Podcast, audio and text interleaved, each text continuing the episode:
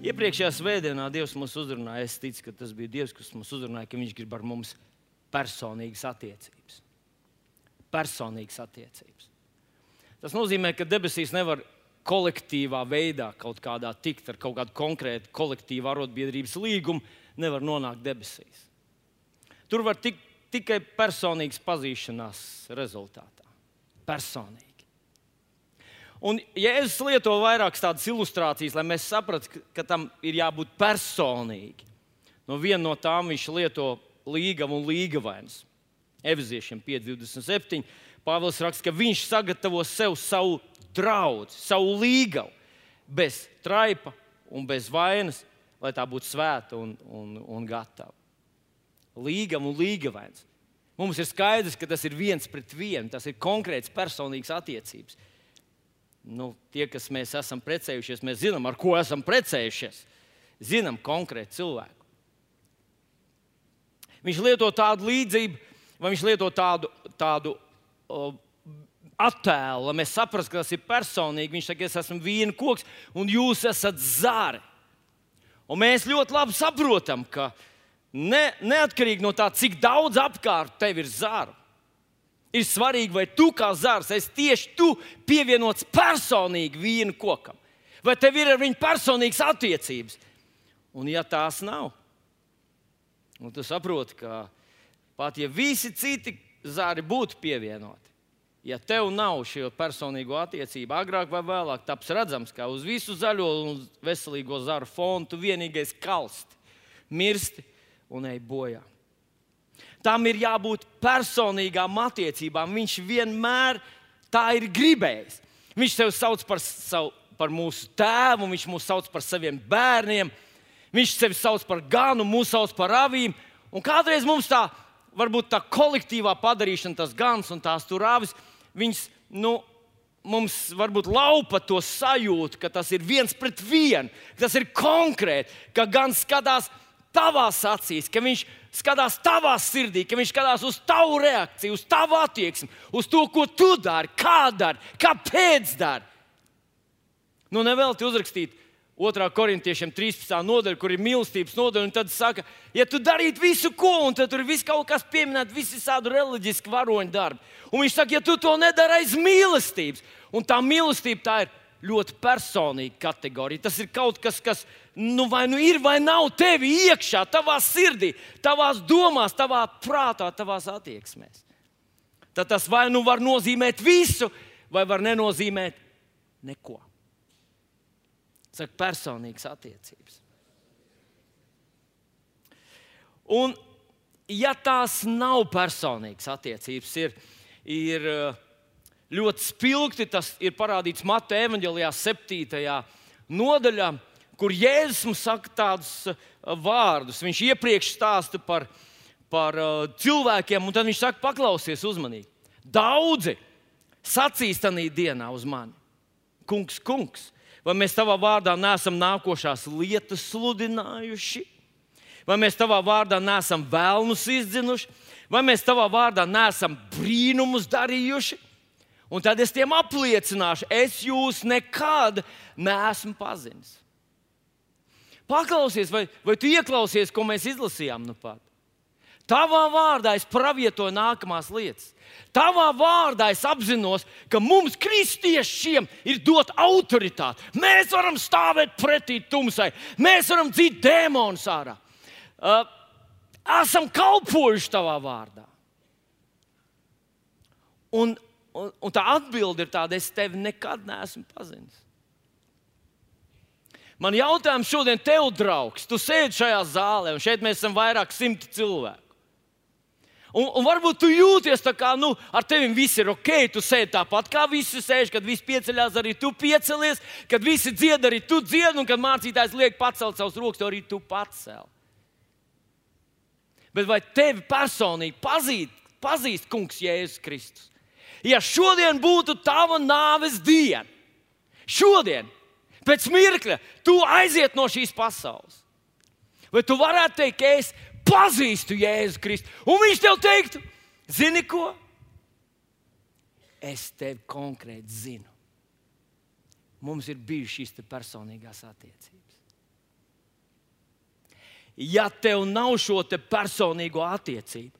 Ja tu atnākot uz dievkalpojumu, atnāc vienkārši nu, tā kā, tā kā uz kaut kādu kopēju tradīciju. Man labāk patīk šeit, šeit dzied tādas dziesmas. Te ir nu, kā viena, es eh, negribu nosodīt to māmiņu.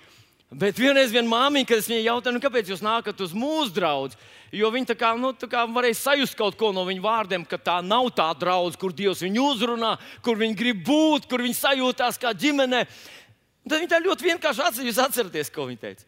Tā ir vienīgā draudzene, kur bērnam dibenu var nomaskāt. Varbūt tu esi šeit, tāpēc, ka tavu vecāku šeit nāk. Varbūt tu no bērnības jau nāc, tu esi pieredzējis, ka mācītājs tur runā, bļaustās, kaut ko stāsta. Tu vari savā telefonā, caur telefons ir nu, durvis uz pasauli, vai ne? Es ienācu pirms divkalpojuma šeit, paskatījos, nu visu otrā rinda, visi sēdēja telefonos. Tas bija pārmetums? Nē. Man arī pa brīžam, kad es jūtos nērti, tad izvilku telefonu. Tu vari paslēpties aiz telefona.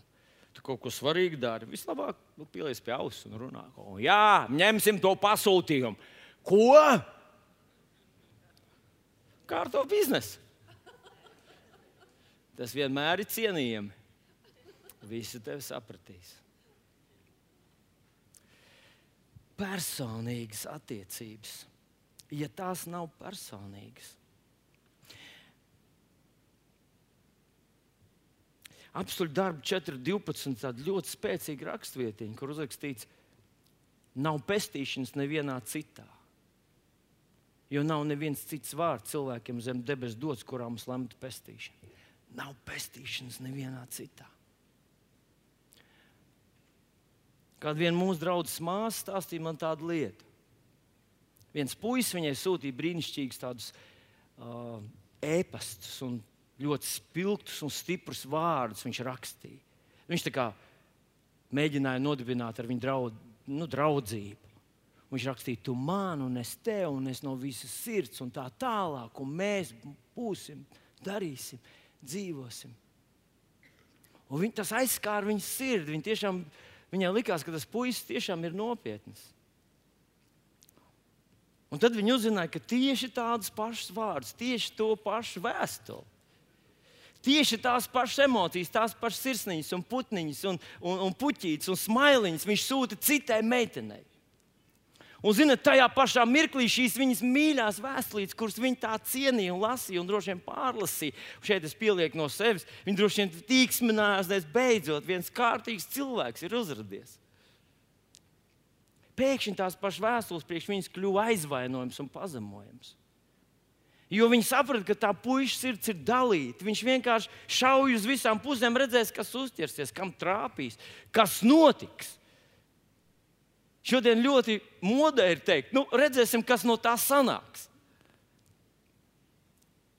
Un attiecības ar šo puisi viņa pēkšņi vairs nebija nekas un neko vērts. Un es gribu teikt, ja tu atnākot pie Jēzus Kristus, ja atnākot uz draugu, ja tu vienkārši to dari tāpēc, ka visi to dara. Tāpēc, ka nu, tu esi lasījis grāmatu, ka pozitīvi ir jāslavē cilvēkam, vispār jābūt tādam pozitīvam, noskaņotam, jāraugas nākotnē ar tādu pašapziņu. Viss var mainīties vienā dienā.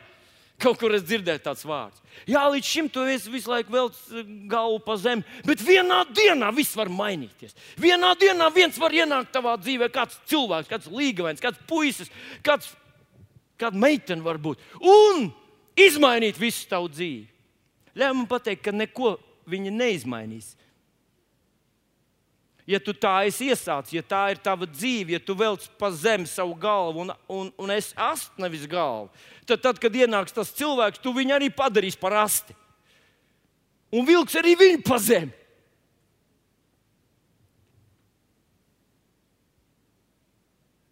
Ļoti personīgām šīm attiecībām ar kungu Jēzu ir jābūt, kad tu atnāc. Jo ko tad mēs lasām Jāņa 1.12?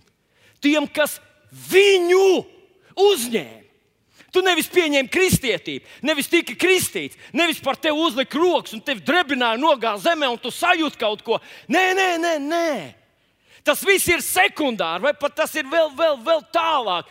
Tas pirmais, ko tu izdarīji, tu saprati, ka tev ir tikai viens glābējs. Pasaulē tikai viens ceļš, viens glābējs, viena taisnība, viena pestīšana, vienas debesis un viens vienīgais, kurš tevi mīl. Kurš mīl tevi tādu, kāds esi? Jā, tādu, kāds esi. Un es zinu, svētdienas rītā mēs visi izskatāmies labi. Bet mums ir brīži, kad neizskatāmies labi. Un viņš mūs mīlēja tad. Romiešiem 5, 8, 9, 10 rakstīts, ka Dievs savu mīlestību uz mums pierādījis, ka Kristus par mums mirst tad, kad mēs vēl bijām nekam nederīgi. Mēs bijām grēcinieki, noziedznieki, gļēvu, liekuļi, nodevēji. Mēs bijām atkāpēji. Mēs nekam un nevienam nebijām vajadzīgi. Un Viņš parādīja savu mīlestību uz mums. Un, kad tu atnāc pie Jēzus, tu pieņēmi viņu vienīgo. Tu nesūtīji vēl kādam, tu nevari sūtīt vēl kādam ziņas, tu nevari cerēt uz vēl kādu, jo nav neviena cita. Un es tev pateikšu, ja tu cer uz vēl kādu, tad šīs tavas lūkšanas jēzum viņas nenozīmē neko.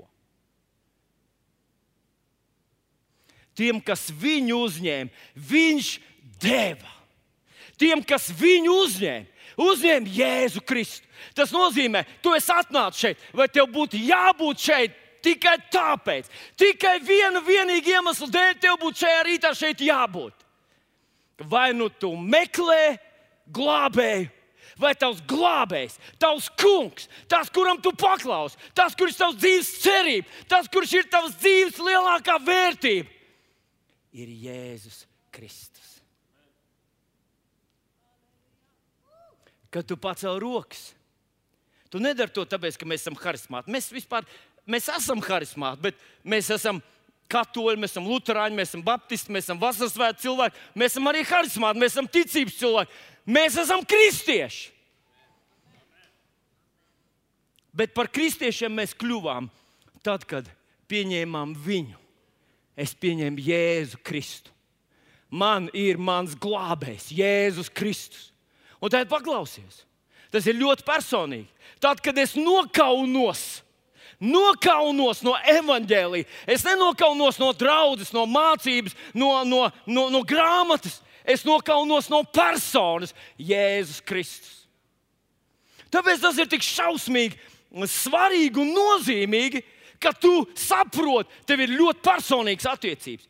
Ļoti personīgi tiek uztverts gan tavs liecības vārds, ka tu izej uz ielas, tev nav jāiet vienkārši liecināšanas dēļ, tāpēc ka tā vajag, tad Dievs tev atved, tad būs labi, tad tu jutīsies labāk, lai gan visas tās lietas nāk līdzi. Tev vajag apliecināt, ka tavs kungs tava cerība, tava taisnība, tavs grēks tev piedeva Jēzus Kristus un tu neatzīsti nevienu citu glābēju. Nav cita vārda zem debes, kurā tev lemta pestīšana. Es gribētu dzirdēt tavu āmenu uz to. Jā, tu esi pieņemts viņu. Nu, iedomājieties, ka tu aizējies, es iedomājos, es aizēju savu mazdēlu svētdienas skolas grupiņu. Tur viss tāds, kā viņš, cik viņam ir? Divi gadi. Būs divi gadi. Un pēkšņi Viņš skatās, ops nav moderns un nav tāds, kā vajag, un viņam nav tā frizūra. Un pēkšņi viņš saviem čomiem saka, tas ir mans šofers.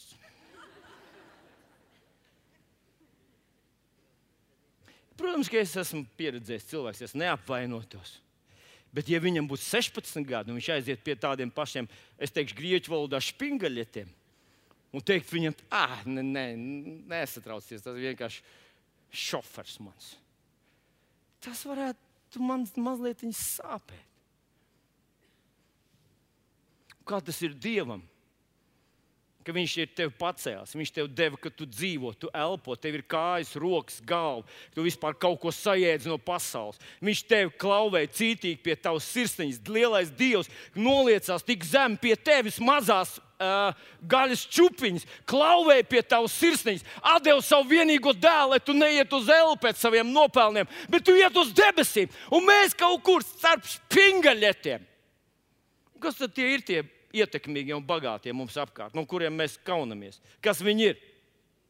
Spingaļiet ļoti labi, olitīvi, olīts vārdi.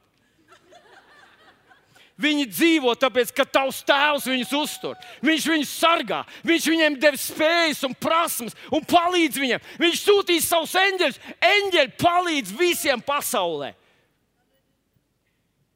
Un kad mēs nokaunamies no sava tēva, mēs sakām, nē, es kaut ko neitrālu, tur kaut ko tur tā, jā, jā, jā visiem jau jābūt uh, izglītotiem, dziļākiem, garīgas būtnes, garīgas vērtības.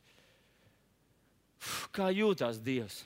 Un tad viņš teica, tas, kurš man apliecinās, to es apliecināšu, un kurš man aizliegs, to es aizliegšu. Viņu uzņēma.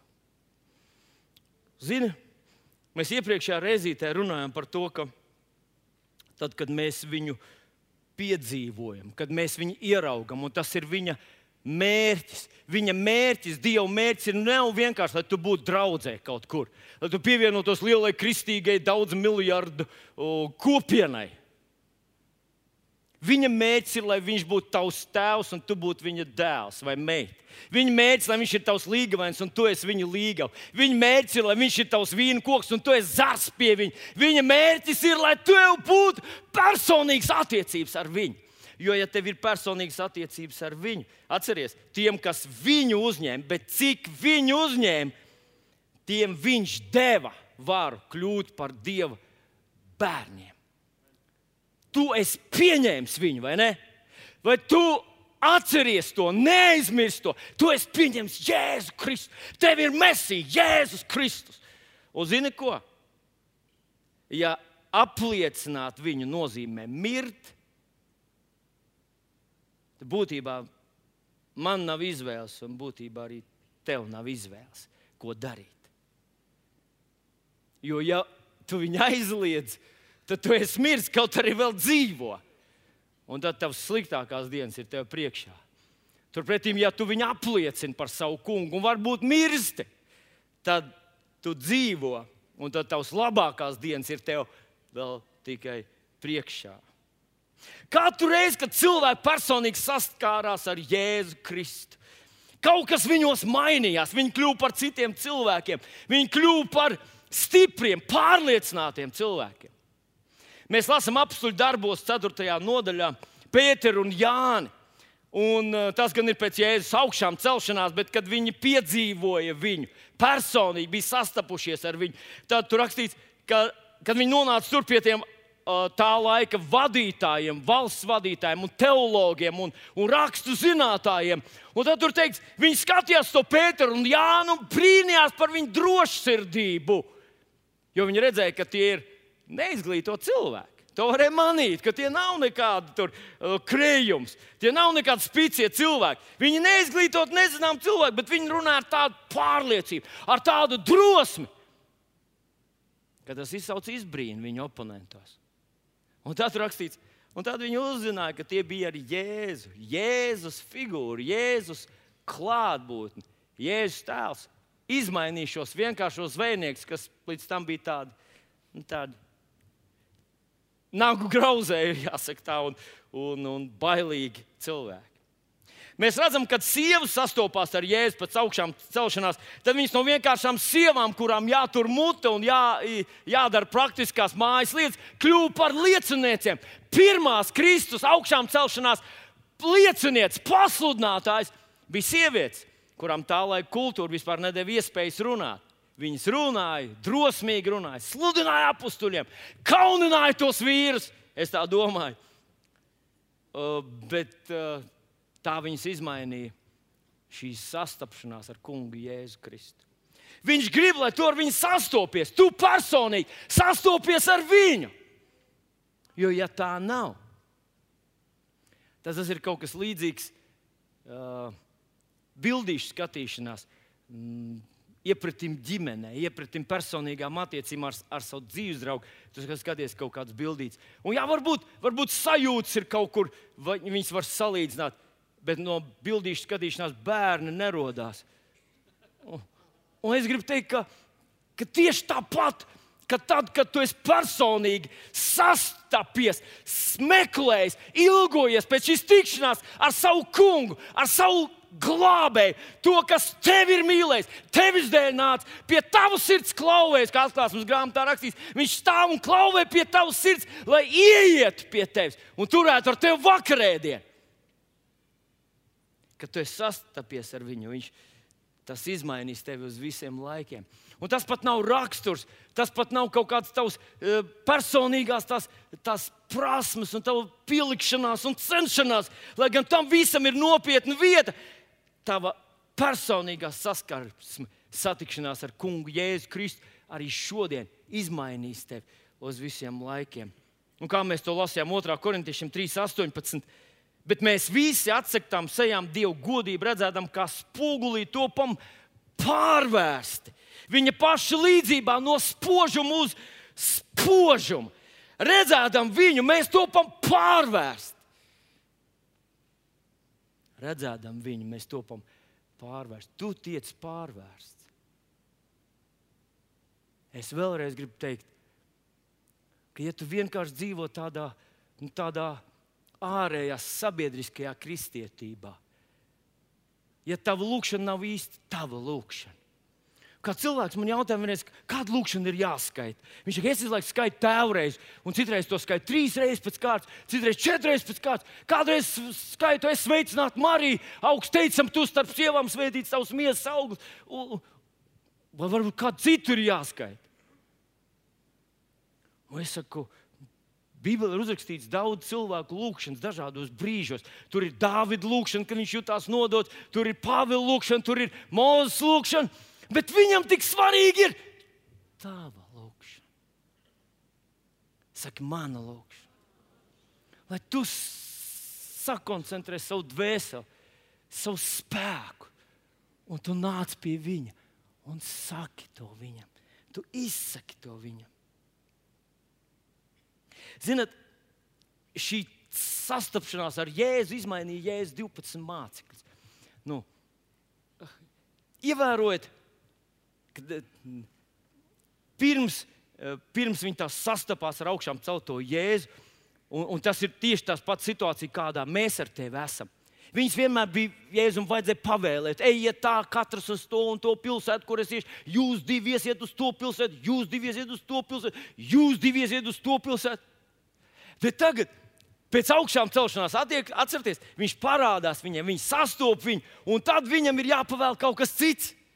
Kas viņam jāpavēl? Viņš pavēlēja viņam nekur neiet. Jo viņi tagad gribēja iet. Viņi tagad sastapās ar Jēzu. Wow! Tas ir tas pats, par ko mēs ar tevi runājam. Augšām celtais kungs. Viņi gribēja iet un visiem stāstīt, un viņam vajadzēja pavēlēt, nekur neiet.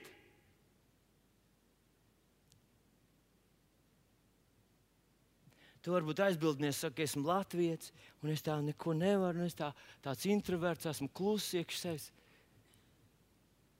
Tā varbūt arī ir patiesība. Mēs esam liela daļa latviešu. Mums tiešām esam. Atcerieties, kā mums vajadzēja gandrīz revolūcija, kad tu pirmo roku pacēli. Skolā tu biji mācījies, jā, to darīt, bet draudzē Es atceros, viens cilvēks man stāstīja, viņš bija gan savā draudzē, ne pie mums.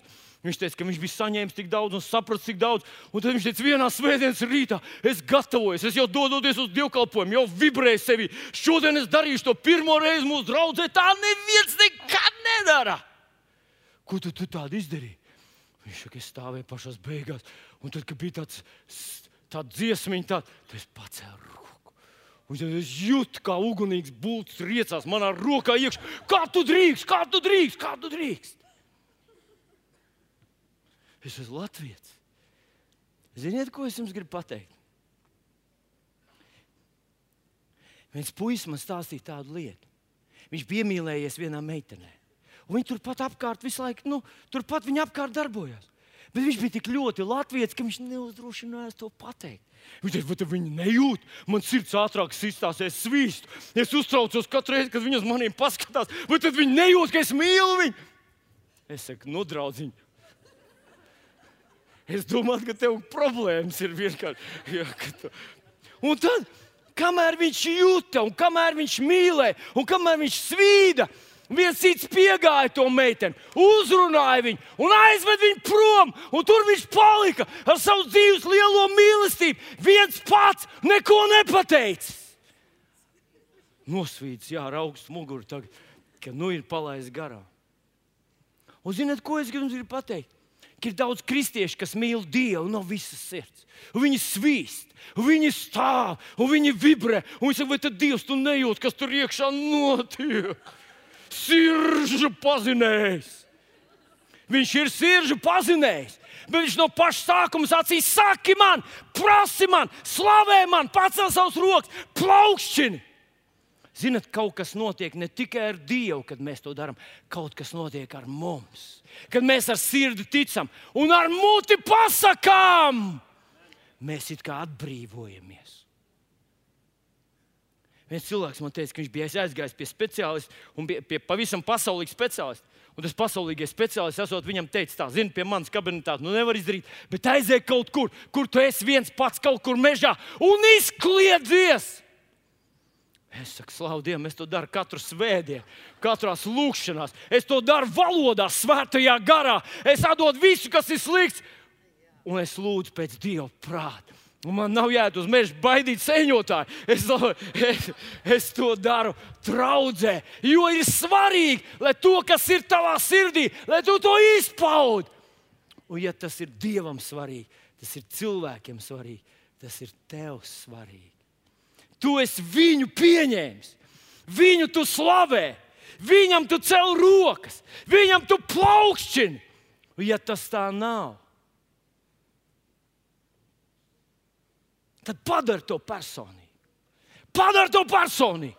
Atgādini atkal sev, kungs, es to daru tev. Tu man izglābi. Tu tādu gaļas gabalu kā es grēcinieku, tu mīlēji, tu noliecies pie manis. Tu tik ilgi gaidīji uz maniem gļēvumiem, uz maniem kompleksiem. Tu man neizsvītroji, neizmet. Tu turpini uzrunāt mani. Es šodien tev paceļu savus rokas. Es slavēju tevi. Man nav ritma izjūtas, es nevaru trāpīt. Es skatos uz slavētājiem un mēģinu viņiem sist līdzi, bet es to daru tev. Un zini ko? Jā, jā, jā halleluja! Tu tādā veidā izpaudi savu ticību. To, kas ir sirdī, tu to izpaudi uz ārā. Un zini ko? Tas ir ļoti dārgi. Priekš, vispirms tev pašam, un pēc tam arī tavam kungam un tavam glābējam. Ebrejiem 4.16 ir uzrakstīti tādi vārdi par to pašu tēmu. Tad nu pieiesim bez bailēm pie žēlastības troņa, lai saņemtu apžēlošanu, atrastu žēlastību un palīdzību.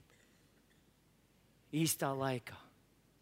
Pieiesim bez bailēm pie žēlastības troņa. Te ir tas, tas ir tas personīgi. Personīgi tu pieeji pie žēlastības troņa, lai saņemtu apžēlošanu, saņemtu žēlastību un palīdzību. Zini, katru reizi, kad tu tuvojies Dievam, kaut kas notiek ar Dievu. Viņš tuvojas tev. Katru reizi, kad tu dari to personīgi.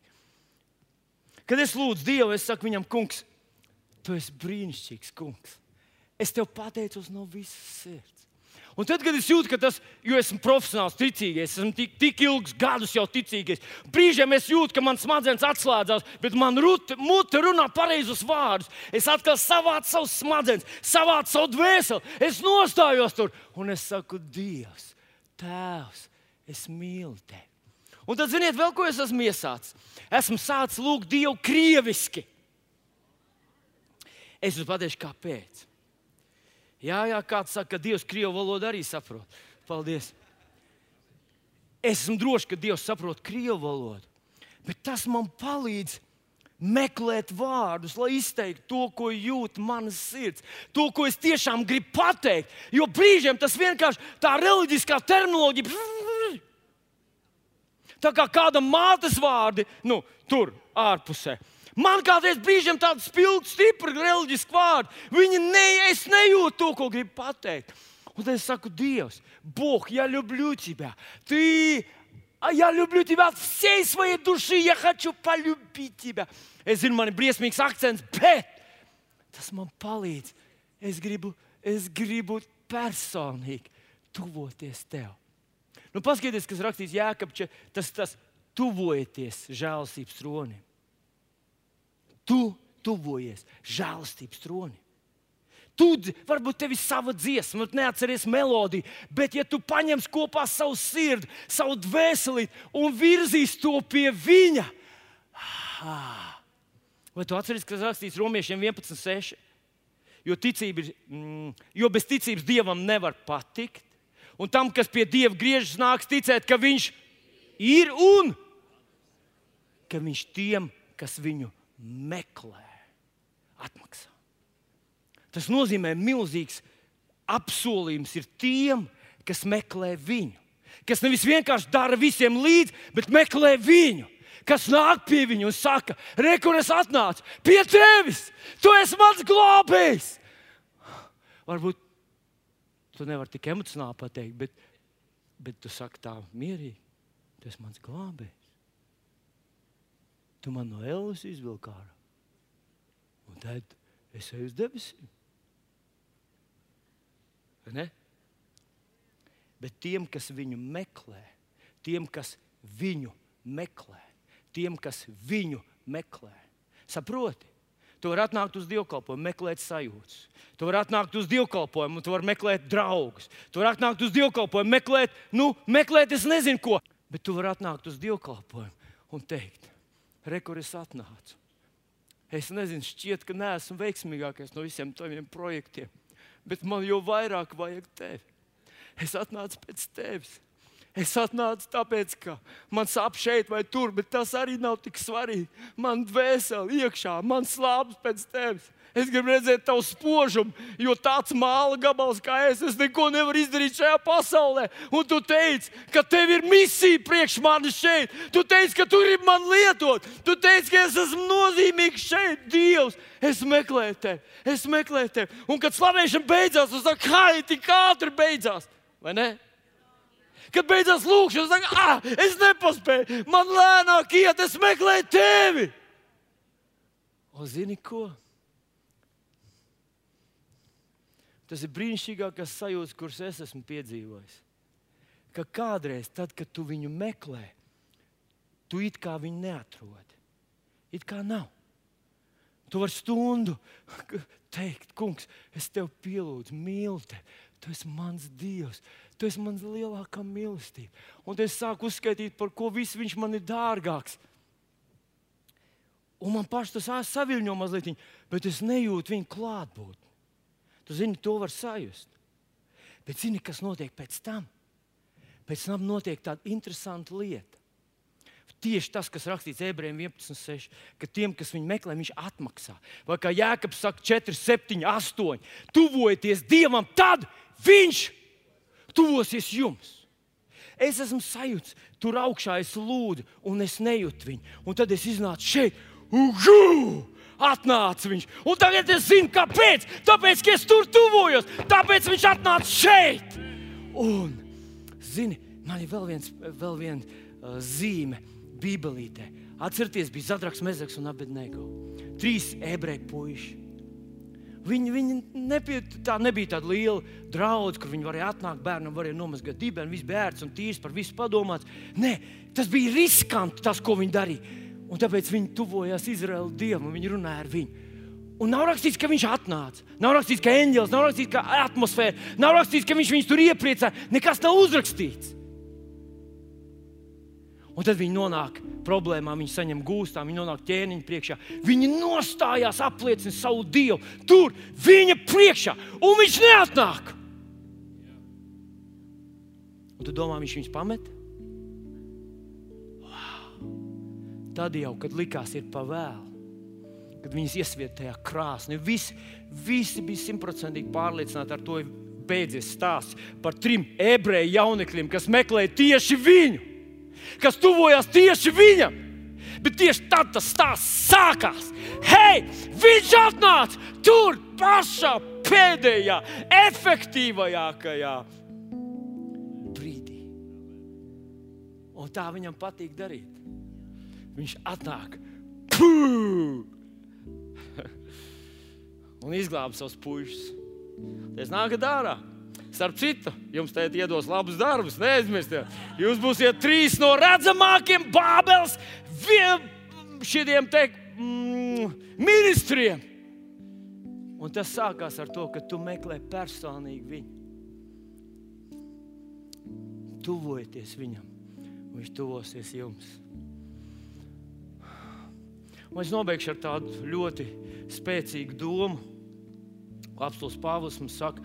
Uh, otrā vēstulītē, korintiešiem 12. nodaļā, viņš saka tāds ļoti stiprs vārds. Kad viņš lūdza Dievu, viņam bija ļoti grūta situācija. Atcerieties, viņš teica, man vajāja tur dzelonis. Tās nebija slimības, es ticu, ka tie bija vajāšanas, kas nepārtraukti viņu. Un tad viņš vienreiz tika akmeņiem nomētāts, viņš tika sists nemitīgi, cietumā likts. Nu, tas nebija tāds mazs onkulis, kas uzkāpa tribīnēs, kaut ko bļaustījās. Jā. Tas bija reāls vajāšanas. Un Pāvils saka, ka viņš trīs reizes Dievu lūdza par to, kungs, palīdzi man, palīdzi man. Un tad viņš atbildēja viņam ar, ar šādiem vārdiem. Viņš teica, Dievs atbildēja viņam, tev pietiek ar manu žēlastību.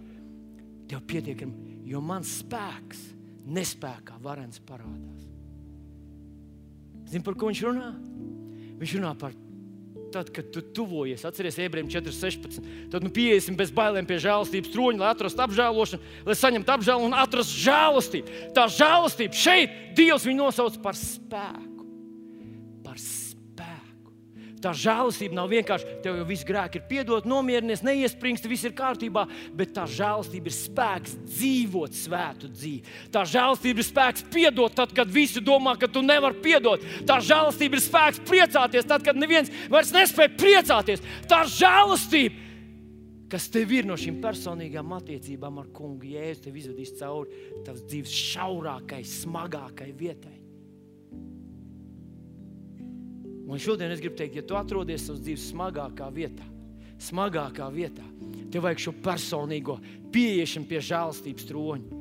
Tev vajag teikt, es meklēju tevi, kungs. Es zinu, ka tu esi. Es gribu būt personīgi, pateikt, cik ļoti man daudz nozīmē. Es tevi mīlu. Tev pieder mana dzīvība. Izdari man, ko tu gribi. Kā tu gribi, es tikai gribu tevi klausīt. Un tā atbilde varbūt neatnāks uzreiz. Varbūt viņa atnāks tad, kad tu jau būsi krāsnī, bet viņa atnāks. Es redzēju vienu puiku krāsni, un es vēlreiz, vēlreiz izmantošu to iespēju parādīt uz viņu. Es ir mūsu Jānis, kur viņš tur sēž ar savu sieviņu. Un viņam dzīvē viss liekas, bija brīnišķīgi. Viss bija brīnišķīgi. Viņš bija sportisks, uh, izglītots, veiksmīgs, ģimene viņam ir priekšzīmīga, bērni viņam ir talantīgs, sieva viņam ir blondīna. Viss ir, viss ir brīnišķīgi. Un tad vienā reizītē, kad mēs visi kopā izklaidējāmies un atpūtāmies, viņš uh, piedzīvoja ļoti smagu kritienu. Un tā vietā, lai viņš tādā savas dzīves spēka gados būtu visiem par iedrošinājumu un atbalstu, viņš nonāca slimnīcā ar laustām, jā, abām kājām, ar, ar roku laustu, mugurkaulu traumu. Un es runāju ar to doktoru, tas doktors teica, viņš nekad vairs tā normāli nestaigās. Es teicu, pagaidi, pagaidi, doktor, vai jums kādā plākstā varētu uzlīmēt uz, uz, uz doktors, kurš vienkārši lepina tādus vārdus. Un zinot, ko, kad mēs aizgājām, viņš nogulēja diezgan ilgi. Cik ilgi tu gulēji slimnīcā? Jā? Sešas nedēļas. Sešas nedēļas. Katrs, kurš aizgāja pie viņu slimnīcu, mēs konstatējam, ka tur kaut kas pārdabīgs notiek. Nesen Kaspars teica, Viņš tur guļ kā mācītājs, acis staro.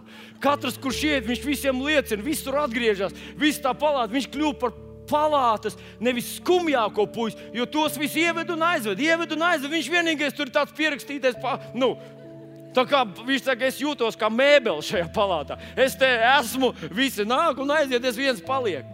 Bet katru reizi, kad tu pie viņa aizgāji, tu varēji just, ka tas nav cilvēcīgi vairs. Kāds viņu tur, kāds spēks viņu tur un nes.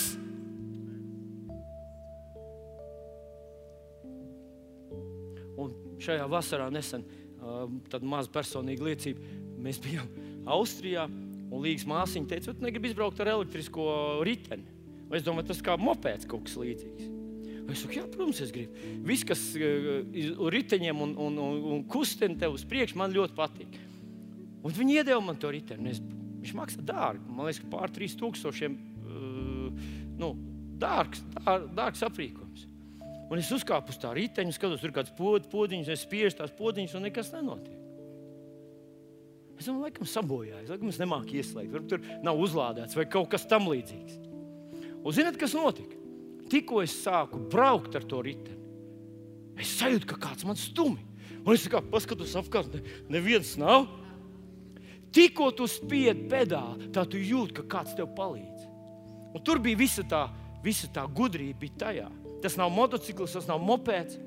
Un man liekas, Dievs, tas ir tas, kas apzīmē žēlastību. Žēlastība tev nepacels un neaizvedīs kaut kur. Viņi neizdarīs to tavā vietā, bet tikko tu spēr soli, tu jūti. Uh, uh. Tikko tu spēr soli, es gribu sakārtot savu ģimeni, es gribu sakārtot savas attiecības ar savu dzīves draugu. Nu, taču galu galā vienīgais cilvēks, kuram par kuru Dievam es esmu solījis, ka es viņu mīlēšu, atbalstīšu, ka mēs kopā aiziesim. Un tikko tu spēr pirmo soli, tu jūti, kā elektroritenis tev pats. Un tu, tu, hu, tu skaties, tur stūri augšā tādā kalnā, kur tu nekad nebrauktu. Bet tāpēc, ka žēlastība tev nes. Un es šodien gribu tev pateikt, vispirms, katru reizi, kad tu meklē personīgi Dievu, tas nepaliek bez pēdām. Tas nepaliek tā vienkārši tāpat. Jaunieši, kas esat ticīgi vecāki bērni, paklausieties, Vēlns jūs ir piemānījis tik ļoti. Jūs domājat, ka tā ir vienkārši sēdēšana dievkalpojumā. Tā ir pacietība līdz dievkalpojuma beigām. Pilnīgs muļķības. Kad jūs sāksiet personīgi sarunāties ar savu vecāku dievu, kad jūs sāksiet viņam teikt, ka jūs ticat, ka jūs gribat viņu iepazīt, ka jums vajag palīdzību. Man bija kad 11 gadiņi, 12, 13 gadiņi, kad es slimoju sirds un locīto reumatismu. Un es atceros, ka es vienā reizītē mājās sāku raudāt. Es biju jauns puisis, man bija jāguļ gultā, viss mans locītos buspampuši, man viss viņas sāpē. Un es sāku saukt uz Dievu. Es raudāju, saucu Jēzu, Jēzu, Jēzu, man vajag, lai tu man pieskaries. Un es viņu sajūtu, es viņu burtiski sajūtu. Es dziedināšanu saņēmu drusku vēlāk bet es burtiski sajūtu, ka viņš atnāca un nostājās pie manas gultas. Un no tā brīža es nevaru teikt, ka vienmēr viņu jūtu. Bet tas ir, kad tu pienāc pie žēlastības troņa, tu pie viņa pienāc. Tad viņš tev atbildēja. Piecelsimies kājās. O, kungs! O, kungs! O, kungs! Paldies tev par mīlestību! Par šo saikni, šo dziļo sirds un dvēseli saikni no tavas sirds uz manējo.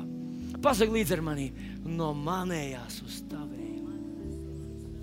Es tevi mīlu. Es gribu tevi iemīlēt vēl vairāk. Es gribu tevi ieraudzīt. Lai es pateicos par žēlastību, lai es varu dzīvot tev patīkamu dzīvi, ticībā uz tevi raudzīties uz tevi, slavēt tevi, godināt tevi, pateikties tev, pielūgt tevi, savu kungu un savu dievu. Paldies tev! Paldies tev! Es tevi pielūdzu, es tevi mīlu no visas, visas savas sirds. Pacel savus rokas uz debesīm. Vienkārši uz mirklīti. Ja tu nevari abas pacelt vienu roku, atceries, ka tie. Halleluja! Mans Dievs! Mans Dievs! Mans Dievs! Mans Dievs! Mans glābējs! Mans dziedinātājs! Mana cerība! Mans spēks!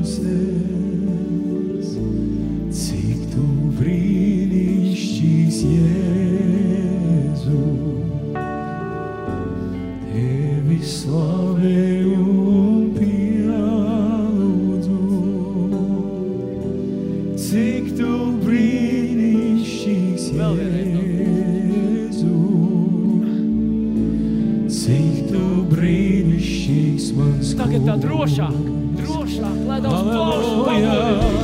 cik tu brīnišķīgs Jēzu.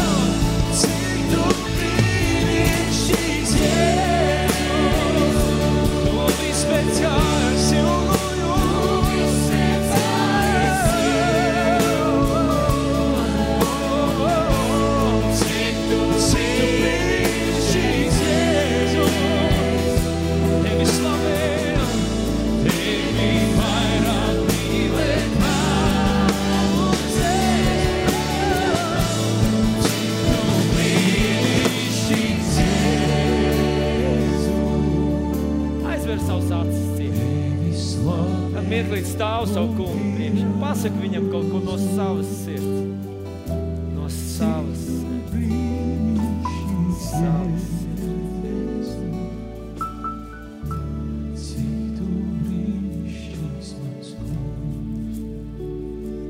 Man ir kungs. Viņa vārds ir Jēzus Kristus. Nav cita kunga, nav neviena, kas viņam ir līdzīgs. Nav neviena, kurš man ir tik ļoti, ļoti dārgs kā tas, kas izlēja par mani savas asins. Es tevi mīlu vairāk par savu dzīvību, vairāk par visu šajā pasaulē, vairāk par gaismu, par eksistenci, par, par tā jebko. Tu esi mans dzīves lielākā mīlestība. Un es pateicos, ka var pienākt pie tevis personīgi un pateikt, cik tu esi brīnišķīgs. Mans debes tēvs, cik tu esi brīnišķīgs. Mans kungs, cik tu esi brīnišķīgs. Svētais gars, cik tu